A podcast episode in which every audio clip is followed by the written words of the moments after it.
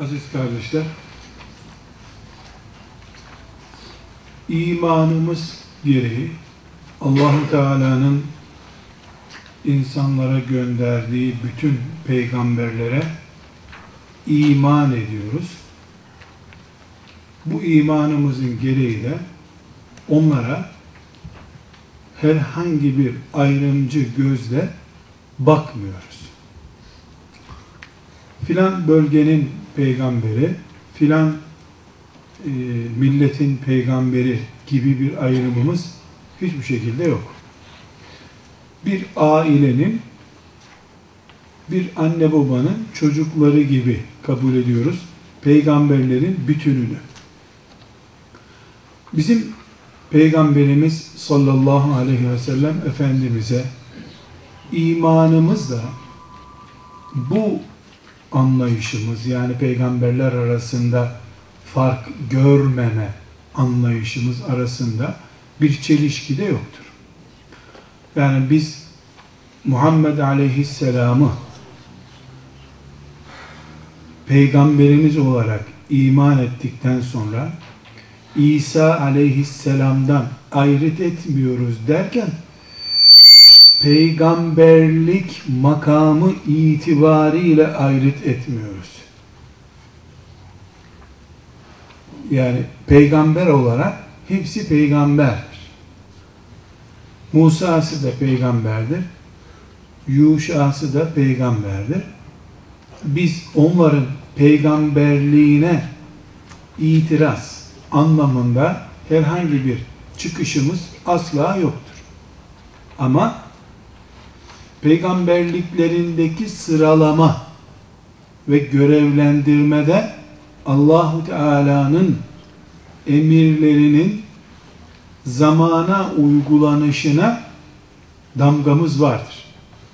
Yani ne diye inanırız? İsa'dan sonra Musa'nın peygamberliği bitmiştir deriz. Resulullah sallallahu aleyhi ve sellem Efendimiz'den sonra, Muhammed'den sonra da İsa'nın peygamberliği bitmiştir deriz. Ama peygamberliğine herhangi bir şekilde bir itirazımız veya seviye belirleme, işte o küçük peygamber bu büyük peygamberdi gibi deme lüksümüz hiçbir şekilde yok.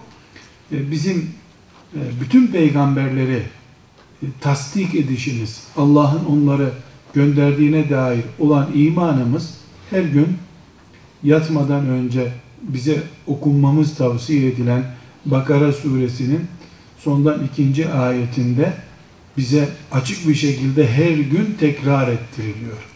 Efendimiz sallallahu aleyhi ve sellem ne buyuruyor? Bakara suresinin son iki ayetini okuyana o gece onlar yeter buyuruyor. Bu ciddi bir iman tazelemesi çünkü. La nuferriku beyne ahadin min rusuli. Peygamberler arasında herhangi bir fark gözetmiyoruz biz. Yani Arapların peygamberi, Rumların peygamberi gibi böyle bir ayrım asla mümkün değil. Olması mümkün değil. Biz zaten elhamdülillah yapmıyoruz. Bu sıkıntı önceki ümmetlerin sıkıntısıdır. Çünkü onlardan sonra gelen peygamberlerin onların peygamberlerinin görevini sona erdirmesini kabullenemediler bir türlü. Biz elhamdülillah son peygamberin, ahir zaman peygamberin ümmeti olduğumuz için biz de zaten böyle bir sıkıntı elhamdülillah yok. Kardeşler bizim e, bütün peygamberlere iman etmemizin şüphesiz e, önemli hikmetleri var. Allah katında belli sebepler var. Ama bir açıdan bütün peygamberler ve biz paragrafını e, bir yere oturtmak istiyorum. Bizim Allah'a iman edenler olarak, müminler olarak peygamberlerin bütününe iman edişimizin bizim hayatımıza yansıyan bölümleri vardır. Biz bu yansıyan yani hayatımızda peygamberlere iman etmenin e, bize yansıması gereken bölümünü tahlil ederek neden 10 bin sene önce gelmiş bir peygamberle benim peygamberimi aynı paragrafta tutuyorum. Bunu çözmeye çalışacağım. Eğer peygamber Allah'a iman etmek ve cennete girecek şartları yapmayı sağlamak üzere insanlara gönderilmiş bir görevliyse benim peygamberim de Muhammed Aleyhisselam'sa ben ona iman ettim zaten. Elhamdülillah mesele bitti. Önce de varmış herhalde peygamberler filan diyemiyor. Böyle değil bu iş. Açıyorum Kur'an-ı Kerim'i. Kur'an-ı Kerim'de bizden binlerce sene önce, on bin sene önce yaşamış peygamberlerin hayatlarına dair ayrıntılar var. Tafsilatlar var. Bir sürü peygamber ismi Kur'an-ı Kerim'de sure ismi olmuş. Özellikle bir sure bütün peygamberlerin adı kullanılarak Enbiya suresi diye belirtilmiş. Sadece Muhammed Aleyhisselam'dan söz etmiyor Kur'an-ı Kerim.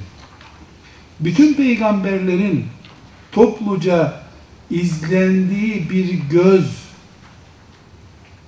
bize farklı şeyler sunacak ki Kur'an-ı Kerim siz peygamberinizin kıymetini bilin ha deyip bizi kendi peygamberimize daraltmıyor. Bütün peygamberlere özellikle iman etmemizi istiyor. Özellikle benim peygamberim aleyhissalatü vesselam son peygamber olduğu halde bütün peygamberleri e, bünyesinde cem etmiş, onlara ait yapıyı, çatıyı kurmuş birisi olduğu halde peygamberler arasında herhangi bir fark gözetmiyor olmamızı imanımızın şartı olarak bize e, ileri sürüyor. Ondan sonra da her akşam Müslümansan şu ayeti tekrar et diyor. Biz peygamberler arasında fark gözetmeyiz. La nuferriku beyne ehadin min rusuli deriz diyor. Burada tabi e, bu hikmeti yakalamanın bugüne yansıyan çok önemli boyutları var. Biz arkadaşlar peygamberleri tahlil ederken bugün e, filan peygamber değil de onları bütününü bir aile olarak ki ne kadar peygamber geldiği hakkında net bir bilgimiz yok. Yani 124 bin civarında peygamberden söz ediliyor. 25 e, tane Kur'an-ı Kerim'de peygamber ismi var. Ama 124 bin değilse de 10 binlerce peygamber var. 10 binlerce peygamber olduğu besbelli bir şey. Rakam çok önemli değil. Velev ki 30 tane olsun. Biz zaten onların isimlerine takılacak durumda değiliz. Nereli olduklarına takılacak durumda değiliz. Bizim için allah Teala'nın bizi çağırdığı e, zemin olarak e, tahlil ediyoruz bu meseleyi. Şimdi kardeşler e, Resulullah sallallahu aleyhi ve sellem üzerinden peygamberler tahlil edilecek olsa sadece bu şu demek olur. E, Arapları, Ebu Bekir'i, işte müşrikleri, müşrikleri gelenlerini yani Arap yarım adasına daraltılmış bir kitle üzerinden iman davasını anlamaya çalışmış olursun sen. İnsanlık hakkında bir veri elde etmek için sadece Arap Yarımadası yeterli bir zemin değil. Adem Aleyhisselam'ı eksen alarak Adem Aleyhisselam'ın peygamberliği üzerinden bir yola çıkış sağlasak yine yeterli değil. Neden? Adem'den sonra çok şey değişti. Bir defa insanlık Nuh Aleyhisselam'la beraber bir tufan geçirdi, sıfırlandı, yeniden insanlık çıktı ortaya. Adem, Nuh Aleyhisselam ikinci babalık yaptı. Yani Adem Aleyhisselam'ı, İdris Aleyhisselam'ı yani ilk e, bin yılın peygamberlerini örnek alarak da insan profili çıkarmamız mümkün değil. Biz bütün peygamberleri önümüze koyarak bütün peygamberlerin temsil ettiği davayı bir noktaya getirme imkanını daha çabuk buluruz. Adem Aleyhisselam'dan Resulullah sallallahu aleyhi ve sellem Efendimiz'e kadar olan peygamberlerin arasında Arap olanı var, olmayanı var, İbrani olanı var, başka ırklardan olanı var, beyazı var, siyahı var. Bütün insan kümesinin, insan e, çeşidinin her türlü ırkı, örneği vesairesi bulunan bir tablo üzerinden iman davasını anlayabiliriz. Bugün İslam namına, Müslümanlık namına mesafe kat etmek isteyenler, e, İslami hizmetler yapmak isteyenler, hatta hatta yani e, değil böyle bütün dünya çapında İslam çalışması yapmaya çalışan akrabalarının İslam'la ilişkilerinin boyutunu yakalamak isteyenler bile peygamberlerin üzerinden yaptıkları bir araştırmada çok iyi sonuçlara ulaşırlar. Yani bir insanın e, Allah'a davet ederken, namaza çağırırken, kelime-i tevhide çağırırken karşılaştığı refleksleri, insanların tepkilerini çözmesinde çok önemli bir örnek olarak peygamberler var bizim için. Neden? Çünkü binlerce peygamberin e, hayatının incelenmesinde karşımıza çıkacak tabloda mesela insanların paradan, maddeden nasıl etkilendiklerine dair ciddi bilgiler var Musa Aleyhisselam'da. Toplumun, toplum denen şeyin koyun sürüsü gibi sağa sola nasıl güdülebileceğinin örnekleri var Salih Aleyhisselam'ın kavminde. Kitle dediğin şey bugün bir taraf yarın bir taraf olur filan peygamberde örneği var bunun. Direniş için ayağa kalkan insanların kritik anlarda nasıl yalnız kaldıklarına dair örnekler var peygamberlerde. Yani peygamberlerin hayatı sadece Mekke'den Medine'ye hicretten ibaret değil. Eğer biz Peygamber Efendimiz Aleyhisselam'ın üzerinden bir çıkış yapacak olsak yani çok dar bir anlamda çözmeye çalışmış oluruz ki o zaman İslam'ın karşılaştığı, imanın karşılaştığı sorunu Ebu Cehil'den ibaret zannedersin. Karun'u imha etmek zor. Karun diye bir sorun olmaz. Halbuki Karun Ebu Cehil faktörü kadar güçlü bir faktördür. Sadece Karun değil. Haman da öyledir.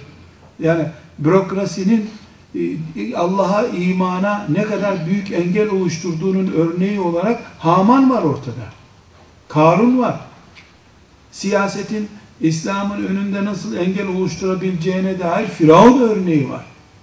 Kur'an-ı Kerim yüzlerce ayetinde e, peygamberlerin karşılaştığı sorunları farklı usluplarla anlatıyor bir İbrahim Aleyhisselam'ın bireysel mücadeleyi nasıl sürdürdüğünü anlatan ayetleri var. Sure ismi olmuş özellikle. Yani biz peygamberlerin hayatından iz sürerek ya da peygamberlerden bize intikal eden Kur'an ve hadis bilgilerinden yola çıkarak bugünü tahlil edebiliriz. Bugün iman konusundaki e, sıkıntıların nereden kaynaklandığını çözebiliriz. Çareler de bu şekilde üretebiliriz. Ve bir nokta daha özellikle şimdi e, şöyle bir tespitte bulunalım. E, İslami çalışma yapan cemaatler arasında e, mesela şöyle bir örnek vereyim. İnsanlara hemen sakal bırak diyelim mi? Bayansa çarşaf giy diyelim mi? Yani İslam'ın neresinden başlayalım insanlara anlatmaya? Hemen sabah namazından başla. Beş vakit kılmıyorsan cuma ile olmaz. Yani hem sabah namazı kılmadın utanmadan cumaya gittin diyelim mi insanlara? Bu soru yıllarca tartışılır.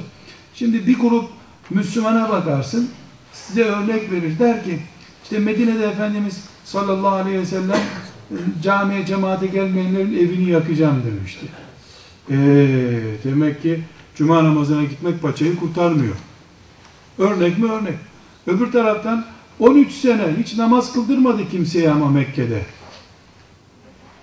Diye bir çıkış yapıyor öbürü. Dolayısıyla bırak adam içkisini, içki içsin, alkol kullansın, zararı yok. Hele bir iman etsin bakalım. Örneğin ne senin? E, Peygamber Efendimiz Mekke'de kimseye bir şey dememişti. Yani bir e, sadece Mekke'den Medine'den ibaret bir nübüvvet anlayışıyla yola çıktığımızda kendimizi boşu boşuna daraltmış oluruz. Halbuki on binlerce peygamberin ortak davasından söz ediyor Kur'an-ı Kerim. Bu ortak davanın en önemli mesajları nedir? Bir, Kur'an ısrarla bütün peygamberlerin en büyük mücadelesinin tevhid mücadelesi olduğunu söylüyor. Peygamberler arasında şeriat farklılıkları var ama tevhid farkı yoktur. Ne demek şeriat farklılıkları? Bu peygamberin emrettiği namazla bu peygamberin emrettiği namaz arasında fark var. Bu peygamberin evlilikle ilgili ahkamıyla bu peygamberin evlilik ahkamı arasında fark var. Ama hiçbir peygamberin la ilahe illallah'ta farkı yoktur. Bütün peygamberler şirkle mücadele etmişlerdir. Putla mücadele etmişlerdir. İnsanlığın temel sorunu tevhid sorunudur. On binlerce peygamber ilk hedef olarak namaz kılmayı değil, Allah'a iman etmeyi esas almıştır. Tevhid en büyük esastır. Allah'tan başka ilah yok. Sadece Allah var. Bu prensip sağlandıktan sonra filan peygamberin Musa Aleyhisselam'ın şeriatında hayvanların e, butundan yemek yapmak haramdı. Bu şeriatta haram değil. Ayrıntılarda farklar var. Musa Aleyhisselam'ın şeriatıyla Resulullah sallallahu aleyhi ve sellemin şeriatı arasında çok farklar var. İmanda hiçbir fark yok ama. La ilahe illallah aynı. La ilahe illallah'ta değişiklik yok. Dolayısıyla insanlığın zamanla gelişimine göre şeriatta gelişme olmuş. Son noktaya gelince insanlık artık yeryüzü nüfusla dolunca yeryüzünün nüfusla dolmuş şekline göre Allah şeriat göndermiş. Ama dünyada altı kişi oldukları zaman Adem Aleyhisselam hanımı ve dört çocuklarıyla altı kişi insan başına bir kıta düştüğü zamanda da La ilahe illallah Adem Nebiyullah'tı. İlke buydu. Kelime-i tevhid hep aynı. La ilahe illallah ilk peygamberden son peygambere kadar aynı. Demek ki burada çok önemli bir nokta biz peygamberlerin mücadelesini başından sonuna kadar bütün bir bant içerisinde baktığımızda bir kelime-i tevhid mücadelesi yapıldığını görüyoruz. Bugün mesela namazla başlanması halinde çatısından yapmaya başlamış oluyorsun bu binayı. Kelime-i tevhidden kurmaya başladığında yani önce kelime-i tevhid mücadelesi yaptığında hele bir Allah'ın vahdaniyetini ve uluhiyetini, rububiyetini bütün esma ve sıfatıyla beraber Allah'a imanı bir insanla tesis ettikten sonra namaz çok büyük değil onun için artık. Zekat vermek onun için bir yük değil. Ama iman sıkıntısı olan birisi için her an şirk riski var. Her an putperestlik tehlikesi var. Her an bir yerde isyan etme tehlikesi var. Demek ki bütün peygamberlerin en üst mücadelesi tevhid için yapılmıştır. Bunu bir kenara koyuyoruz. Bu çok önemli bir nokta. Bugün biz bunu niye konuşuyoruz peki? Tarih dersi olsun diye değil. Hayır. Tarih dersi olsun diye değil. Peygamberlerin ortak mücadelesinin peşinden giden hoca, davetçi, yazar, çizer, nasihatçı, üç tane hanıma ders veren hanım hoca efendi, üç tane gence ders veren önce imanı yerleştirmeli. On binlerce peygamberin metodu herhalde bizim de bu asırda metodumuz olmalı. Önce iman benimsenmeli. Bir mümin tevhid esasını zihnine oturttuktan sonra ibadetler kendiliğinden gelecek zaten. İman esası nedir? Allah'a imandır. Allah'a imanında peşinde neler var?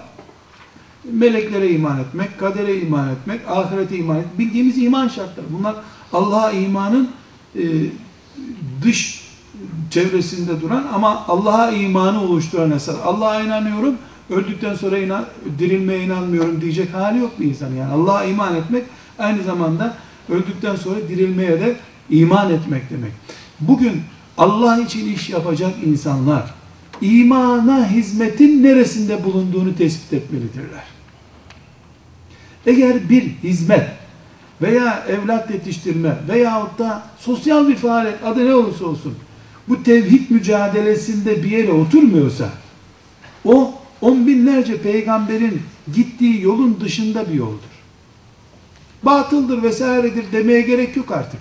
Batıl değildir belki ama tevhid mücadelesinde bir yere oturmuyorsa La ilahe illallah'ı bir yerden destekleyen bir hareket değilse yani biz peygamberlerin izinden gitmiyoruz demektir.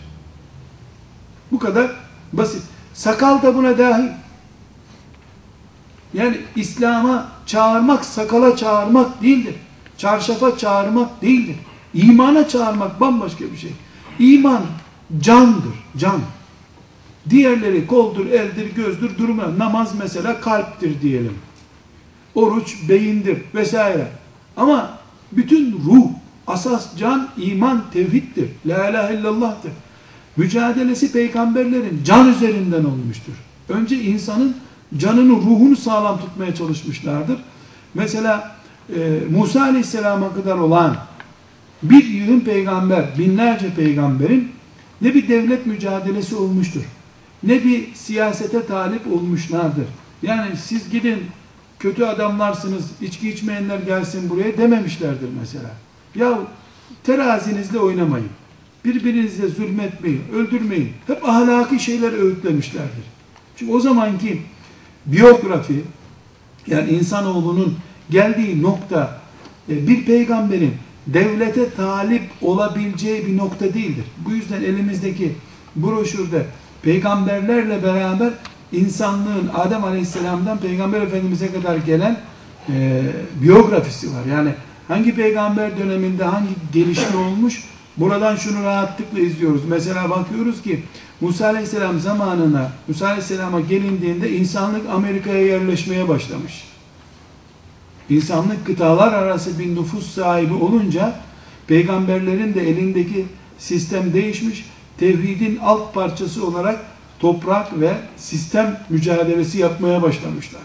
Her halükarda yani peygamberlerin mücadelesi tevhid mücadelesidir. Tevhid candır. O can sağlandıktan sonra la ilahe illallah'a teslimiyet sağlandıktan sonra el, kol, diğer organlar yani ibadetler, teferruat vesaire bunlar zaten kendiliğinden vücut kendi kendini de tamir ederek ayakta tutabiliyor veya küçük bir sinyalle insan bunlara meyledebiliyor.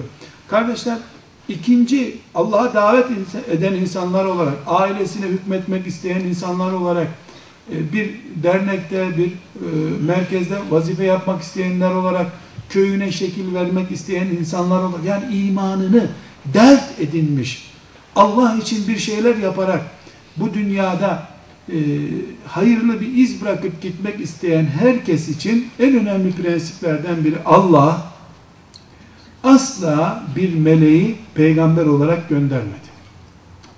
Cinlerden de peygamber yok, kadınlardan da peygamber yok. Peygamberlerin en temel özelliği olağanüstü olmayışlarıdır. Bir gün insanlar gökten düşmüş bir adam görmediler. Bir ana doğurdu muhakkak. Ve bunların hepsi erkek oldular. Böyle kılıçla kesiyorsun hiçbir yeri kesilmiyor. Öyle bir peygamber de yok. Olağanüstü harikalar ürünü bir peygamber yok. Hepsi insan. Hepsi çalışarak alın teriyle yaşamışlar. Hepsi aile geçindirmişler. Hepsi vefalı, ahlaklı insanlar olarak sevilmişler. Bu ne biliyor musunuz? Demek ki Allah isteseydi meleklerden birisini gönderir 4000 5000 sene ömrü olurdu meleğin. 10 bin sene yaşardı. Nesilden nesile insanlar o meleğe bakarak sonunda ikna olurlardı herhalde. On binlerce nesil ölmüş, o yaşıyor. Demek ki bu Allah'ın gönderdiği birisi diye inanırlardı. Ama insanlar o zaman teslim olurlardı, ikna olmazlardı. Allah ise iman ederken insanları ikna etmeyi istemiştir. Çok fark var ikisi arasında. Yani bir çocuğu karşınıza alıyorsunuz, uzun da bir çubuk elinizde ödev yapıyor musun, yapmıyor musun? Tabii yapıyorum diyor, yapıyor ödevini. Bu teslim olmaktır. Ödevini yapıyor. Öbür çocuğu da ödev yapmasının kendisi için ne kadar yararlı olduğu konusunda zamanında ikna ediyorsunuz. Kendi ödevini kendisi yapıyor. Bu ikincisi imandır. Allah cinlerden birisini göndererek, peygamber göndererek insanları imana davet edebilirdi. Bu bizi çarpardı, herkes iman ederdi o zaman. Ama bu iman korkudan teslim olmak olurdu. İman olmazdı. Halbuki Allah ikna olmalarını istiyor insanların. Gerçekten bizim iman etmemiz lazım. Boşuna yaratılmadık. Bu da ancak insanların kendi cinslerinden birisiyle mümkün. Soğuk su içince karnı ağıran, e, dayak yemekten korkan, karnı acıkan, hanımına söz geçiremeyen, çocuklarına söz geçiremeyen, bazen e, uykusu basan, bazen başı ağıran, normal insanlardan bir insanı Allah peygamber gönderdi. Ve peygamberler 24 saat mucize göstermediler arkadaşlar. Her peygamberin bir mucizesi var. Bilemedin iki mucizesi var. Saat başı her saat saati beş geçe haber bülteni gibi mucize bülteni yok peygamberlerde. Peygamberler insanları karşılarına alarak ikna ederek, anlatarak makul bir şekilde aklını çalıştırarak iman ettirdiler. İman ettirmeye çalıştılar. Nuh Aleyhisselam 950 sene uğraştı bunun için. Nuh Aleyhisselam'ın dua gücü olduğunu kendi de biliyordu, herkes de biliyordu. Ama 950 sene üzerine yeter ya Rabbi ben yoruldum dedi. 9. senede de e, beddua edip korkudan herkesi iman ettirebilirdi. Çok önemli bir nokta arkadaşlar. Bugüne taşıyacağız bunu şimdi. Yani peygamberler olağanüstü kimseler değiller. Bir ananın karnında 9 ay durmuş insanlar onlar. Ve özellikle hepsi erkek. Erkeklerden peygamber. Çünkü kadının kendisinde cazibe var zaten. Taraftar toplayabilir. O da yok peygamberlerde. Olağanüstü değiller. Ve şunu unutmayalım. Peygamberler mucize gösterdiler. Ama 200 sene görev yapan peygamber var. 50 sene görev yapan peygamber var. Bir mucize göstermiş 50 senede. Saat başı mucize de yok. Çünkü mucize bir tür insanları teslim olmaya zorlanmaktır. Elinle işaret ediyorsun. Mezardaki adam kalkıyor. Musa, İsa Aleyhisselam'da oldu nitekim. Eliyle işaret etti. Mezardaki adam kalktı. Sen kimin çocuğusun? Filancanın çocuğum. Ne zaman öldün dedi. Üç asır oldu öyle dedi. Tekrar düştü adam. Gözleriyle gördüler bunu. Ama yüz defa yapmadı böyle İsa Aleyhisselam. Yani bir defa yaptı. Küçük bir projektör gibi yandı mucizesi söndü sonra. Ebedi mucize gösteren Resulullah sallallahu aleyhi ve sellem'dir. O da Kur'an'dır mucizesi. Onun da nasıl mucize olduğunu müminler bile hala anlamadılar. Yani bırak öyle ölü diriltmek gibi bir mucize değil. Bunun neresi mucize? Açıyorsun sayfaları okuyorsun işte. Hala müminler bile öyle düşünüyorlar. Şimdi kardeşler on binlerce peygamberin temel karakterlerinden birinden söz ediyoruz. Diyoruz ki bu temel karakter insandılar. Olağanüstü bir meziyetleri, yetenekleri yoktu. Çok önemli bir ayrıntı. Allah'a davette peygamberler bu davanın öncüleri mi? Peygamberler bu davayı başlatmadılar mı? Tamam. Biz peygamberlerin peşinden gitmiyor muyuz? Evet. Demek ki peygamberlerin davası peygamber mantığıyla sürdürülecekse eğer kerametlere, uçtu kaçtılara güvenerek Allah'a çağırmayacaksın. İknaya güvenerek Allah'a çağıracaksın. Peygamberler mucizeleriyle zaten mucize görüp de iman eden olmadı. Eğer mucize ile insanoğlu teslim olup iman edecek olsaydı en çok mucizeyi gören İsrailoğullarıdır. Saf mümin olarak ölmeleri lazımdı. Her gördükleri mucizeden sonra biraz daha şımardılar. Daha fena oldular. Müşrikler de Resulullah sallallahu aleyhi ve sellem Efendimizin bir sürü mucizesini gördüler hiç iman etmediler. Ebu Bekir hiçbir şey görmeden iman etti. Hatice radıyallahu anh'a hiçbir şey görmeden iman etti. Müşrikler gördüler gene iman etmediler. Geldiler görmeden iman eden Ebu Bekir'le eğlenmeye kalktılar bu sefer. Burada kardeşler bizim davamız peygamberlerin davasıdır. Ve bu dava insan davasıdır. İnsan da ikna olarak bir işi yaptığı zaman ona iman etmek denir. Bu yüzden Kur'an-ı Kerim bir sürü ayetinde niye kafanızı çalıştırmıyorsunuz, aklınızı niye çalıştırmıyorsunuz diye defalarca uyarıyor. Bu uyarılar niye yapılıyor? Bu uyarılar niye yapılıyor? İnsan ikna edilmesi halinde başarılı olur da onun için. Aksi takdirde eğer peygamberler mesela meleklerden olsalardı ya da hiç hastalanmayan, hastalanınca tutuyor üstüne hemen iyi oluyor. Gidiyor bir yerde bir ot buluyor, onu yiyor hemen iyi. Böyle bir durum olsaydı insanlar kıyamet günü ne diyeceklerdi? Biz kim ya Rabbi? Hayatta hastalanmamış, çoluk çocuk geçindirmemiş, her sabah kalktığında çorbasını meleklerin getirdiği bir adam gibi biz nasıl ibadet yapalım ki? Diyebileceklerdi. Ama kıyamet günü hiç kimse böyle diyemeyecek. Peygamberler ya marangoz ya çoban, ailesini geçindirmek zorunda insanlar. Efendimiz sallallahu aleyhi ve sellem borç, borçla aile geçindirmek zorunda olan birisiydi. Hastalandı, günlerce hasta durdu. Ee, bir melek gelip sırtını sıvazlayarak iyi etmedi onu. İslam'ı tanıtırken, Allah'a davet ederken hayali, afaki şeyler kullanmak yanlış demek ki.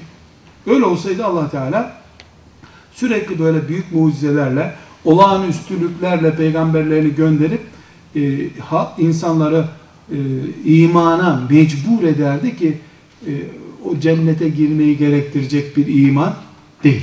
Nitekim Firavun La'nehullah o şekilde iman edince e, Allah Teala ona ne buyurdu? Elen şimdi mi?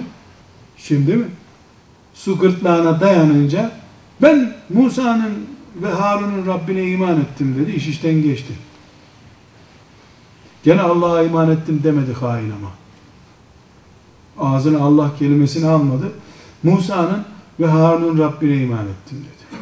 Yani o son anda bile bir politik cümle kurup onunla paçayı kurtarmaya çalıştı.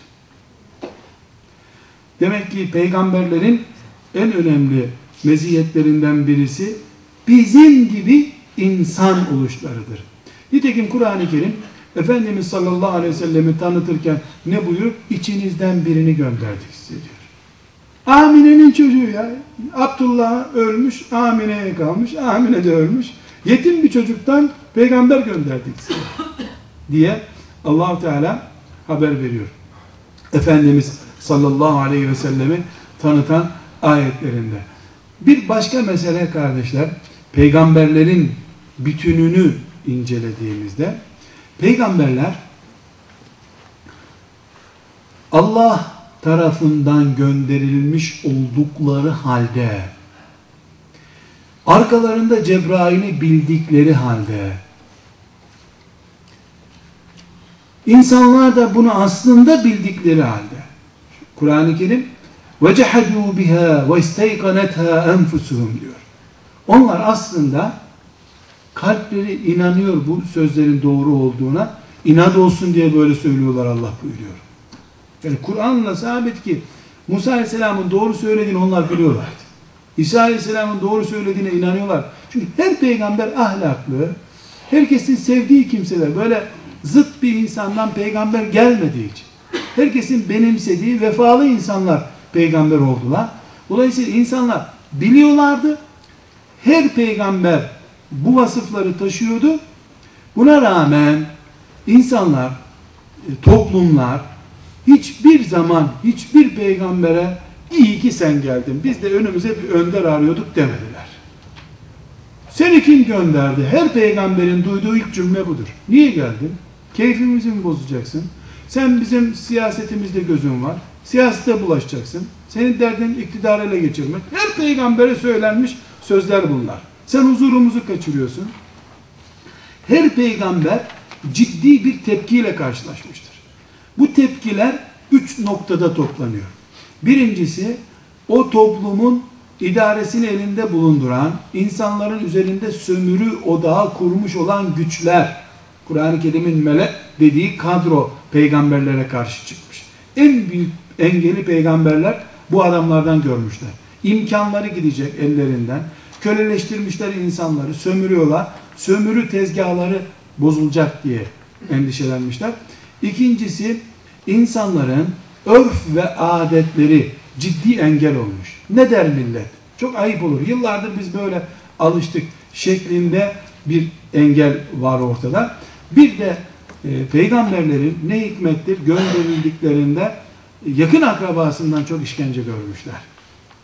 Yani bizim amca çocuklarından değil öbür amca çocuklarından. Efendimiz sallallahu aleyhi ve sellem için Ebu Cehil ne diyor? Yani Allah bula bula o adamı mı buldu diyor. Bizim sülale daha güçlü bir sülale. Mantık çok kötü. Yani muhtar seçiliyor da bizim sülale kalabalık. Niye bizim muhtardan seçilmiyor? O mantıkla bakmışlar. Peygamberler bu anlamda çok ciddi bir tepkiyle, zalim kadroyla karşılaşmışlar.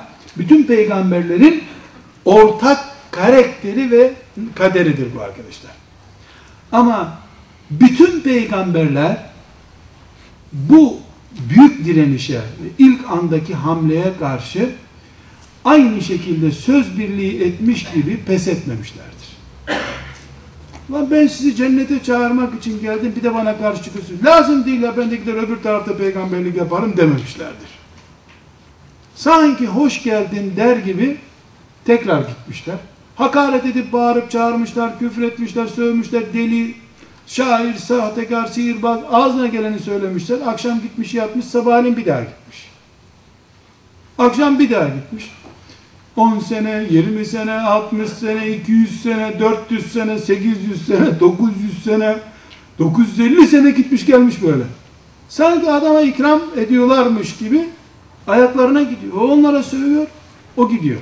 Onlar hakaret ediyor, o gidiyor. Bütün peygamberlerin ortak karakteri bu. Yani sempatiyle karşılanmamışlar, umutla üzerlerine gitmiş o onların. Bütün on binlerce peygamberin temel karakteri. Pes eden peygamber yok. 10 sene, 20 sene, 30 sene mesela Yunus Aleyhisselam e, Kur'an-ı Kerim'in verdiği örneklerden en e, olmaması gerekeni yapmış bir peygamber. 30 sene sonra bir kişi iman etmediği için çekmiş gitmiş ulan bu millete yani şöyle bir mola vereyim diye çekmiş sahile gitmiş. 30 sene arkadaşlar 100 bin nüfuslu bir kasabada 30 senede iki kişi iman etmiyor, iki kişi doğru söylüyorsun demiyor sana. Yani insanın tahammül etmesi çok zor bir şey. Tekrar bu üçüncü noktayı vurguluyorum arkadaşlar. On binlerce peygamberin kaderi tepki görmek olmuş, dışlanmak olmuş. Gider gitmez insanlara hadi be sen niye geldin denmiş. Ama hepsinin karakteri sabır, sebatla devam etmek olmuş. Yılmamışlar, usanmamışlar, umutsuz kalmamışlar. Bütün peygamberlerde temel karakter bu. Allah'a davet eğer peygamberlerin yolu üzerindense hiç kimse kendisini beş tane çocuğunu karşısına alacak yavrum bak biz bir defa Müslümanız tamam mı? Biz bu Müslümanlığımızı yaşamak istiyoruz. Biz şöyle değiliz, böyle değiliz. Tamam, saat 9'dan itibaren İslami hayata geçiş yapılmıştır. Hepimiz için hayırlı uğurlu olsun. Açılış içinde annem bir tatlı yapsın. Hadi bakalım. Böyle değil arkadaşlar, böyle değil. Bu hiçbir peygambere nasip olmamış. Öyle olacak olsa zaten kalbine ilham eder Allah. Onun sabahleyin çocuk beş vakit namaza başlar kalkarken. Bu bir mücadele işidir. 50 sene, 80 sene, 90 sene uğraşıp iki kişiyle Allah'ın huzuruna giden peygamber var. Bir kişiyle giden var diyor Efendimiz sallallahu aleyhi ve sellem. Yani peygamberlerin davasının sahibi bir Müslüman olmak, bunlardan kendimize ders çıkarmak anlamındadır. Hiçbir peygamber çile çekmeden peygamberliğini ifa edip Rabbinin huzuruna gidememiştir. En ağır çilelere talip oldular. En ağır işkencelere talip oldu. Öldürüleni oldu, dayak yiyeni oldu, sürgüne atılanı oldu, iftiraya atılanı oldu. Yani bir defa düşününüz arkadaşlar, Musa Aleyhisselam gibi bir peygambere zina iftirasında bulunmuş Yahudiler. Ahlaksız bir kadına para vermiş Karun. Musa şurada vaaz ediyor sustur onu demişler. O da gitmiş. Musa demiş sen Allah'tan bahsediyorsun ama dün neredeydik biz seninle demiş. Ne yapacaksın şimdi? Ölüm mü beter Musa için bu mu beter? Bir peygamber, Kelimullah, Allah'ın sevdiği beş büyük peygamberden biri ne yapabilir? Ne edebilir Musa Aleyhisselam? Lut Aleyhisselam'a, kendi peygamberleri Davut Aleyhisselam'a yaptıkları iftiralar böyle bir mikrofonun önünde konuşulur şeyler değil arkadaşlar. Burada bir de uydurdukları Tevrat'a yazıyor hainler. Bir babaya yapılabilecek yeryüzünün en çirkin iftirasını peygamberlerine yapacak. Yani peygamberler öyle medyada kötü haberler çıktığı için morali kırılan hocaları filan örnek alsalardı bu iman davası bu asırlara kadar gelmezdi herhalde. Hiçbir şekilde şimdi eğer medya yoluyla insanlar birbirlerini etkiliyorlarsa o zaman da dünyanın nüfusu zaten kaç kişiydi ki bir fısıldı bütün şehri bir saat içinde dolaşıyordu. Yani ahlaklı, vefalı, terbiyeli, Cebrail'le oturmuş kalkmış insanlar olarak her türlü işkenceye katlandılar. Sabrettiler.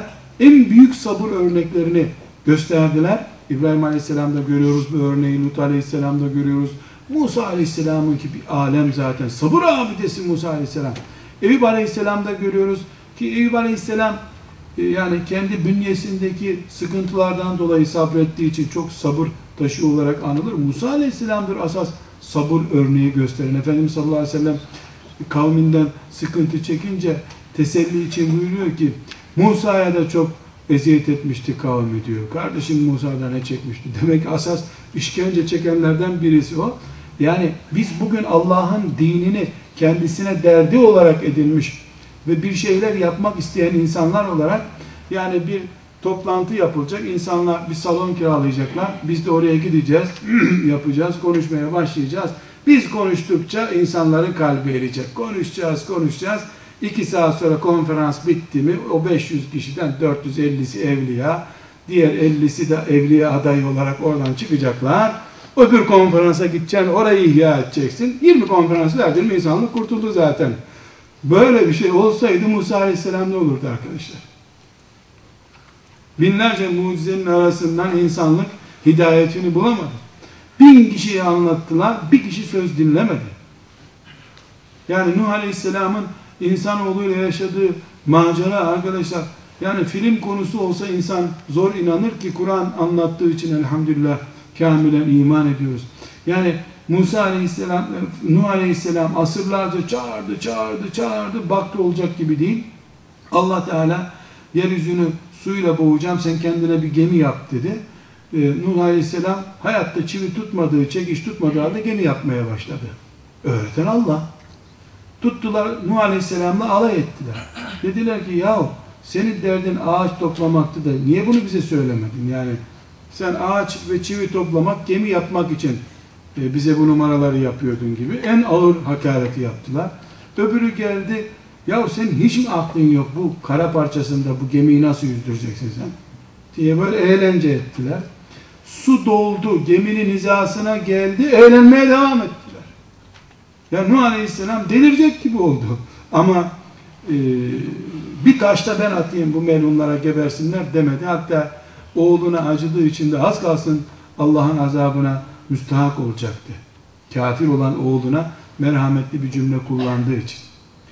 Burada arkadaşlar Allah'a davet yolu, iman yolu, tevhid mücadelesinin böyle anlatmakla e, insanların kalbinin yumuşamasını sağlamak öyle öyle değil ya. Öyle basit bir olay değil bu. Hiçbir peygamber böyle bir şey görmedi. Resulullah sallallahu aleyhi ve sellem Efendimiz en yakınlarının amcasının kalbini yumuşamadı. Ebu Leheb'in kalbini yumuşatamadı. Evet Allah Teala en sonunda on binlerin iman etmesine sebep oldu ama kaça mal oldu bu? Ne ağır faturalar ödendi. Kaç kere Efendimiz sallallahu aleyhi ve sellem eziyetler gördü, ölüm tehlikesi atlattı o noktaya gelinceye kadar. Kardeşler, peygamberler biz aralarında hiçbir ayrım yapmıyoruz. Bütün peygamberleri peygamberimiz gibi kabul ediyoruz. Muhammed aleyhisselam bizim önümüzde duruyor. O onların da onların da peygamberi zaten. Onların başında duran baş temsilcisi onların o. Dolayısıyla bu yüzden biz ayrım yapmıyoruz. O peygamber, bu peygamber demiyoruz. Peygamberlerin mücadelesi tam anlamıyla tevhid mücadelesidir. Bu tevhid mücadelesi esastır bütün peygamberlerde ve peygamberler insani şartlarda Allah'a çağırmışlardır. İnsani şartlarla ikna ederek çağırmışlardır ve bu hiçbir peygambere kolay yapılabilir bir yutulabilir lokma olarak sunulmamıştır. Bin bir çileyle meşakkatle peygamberler o noktaya geldiler. Biz bugün peygamberlerin hayatından kendimize dersler, öğütler çıkarırken sadece Musa Aleyhisselam'ın İsrailoğullarıyla yaptığı mücadeleyi, Nuh Aleyhisselam'ın gemisini nasıl yüzdürdüğünü tarihi bir olay olarak göremeyiz. Kur'an-ı Kerim sayfalar dolusu, sureler dolusu. Niye anlatıyor bunu? Bugün peygamberlerin mücadelesini sürdürmeye aday kim varsa kendisine ders çıkarsın diye. Allah bu önder olarak bize gönderdiği mübarek insanların bulunduğu yerde bulunacak işler yapmayı hepimize müyesser kılsın. Ve sallallahu aleyhi ve sellem ala seyyidina Muhammed ve ala alihi ve sahabihi ve men tebi'ahum bi ihsan ila yevmiddin velhamdülillahi rabbil alemin.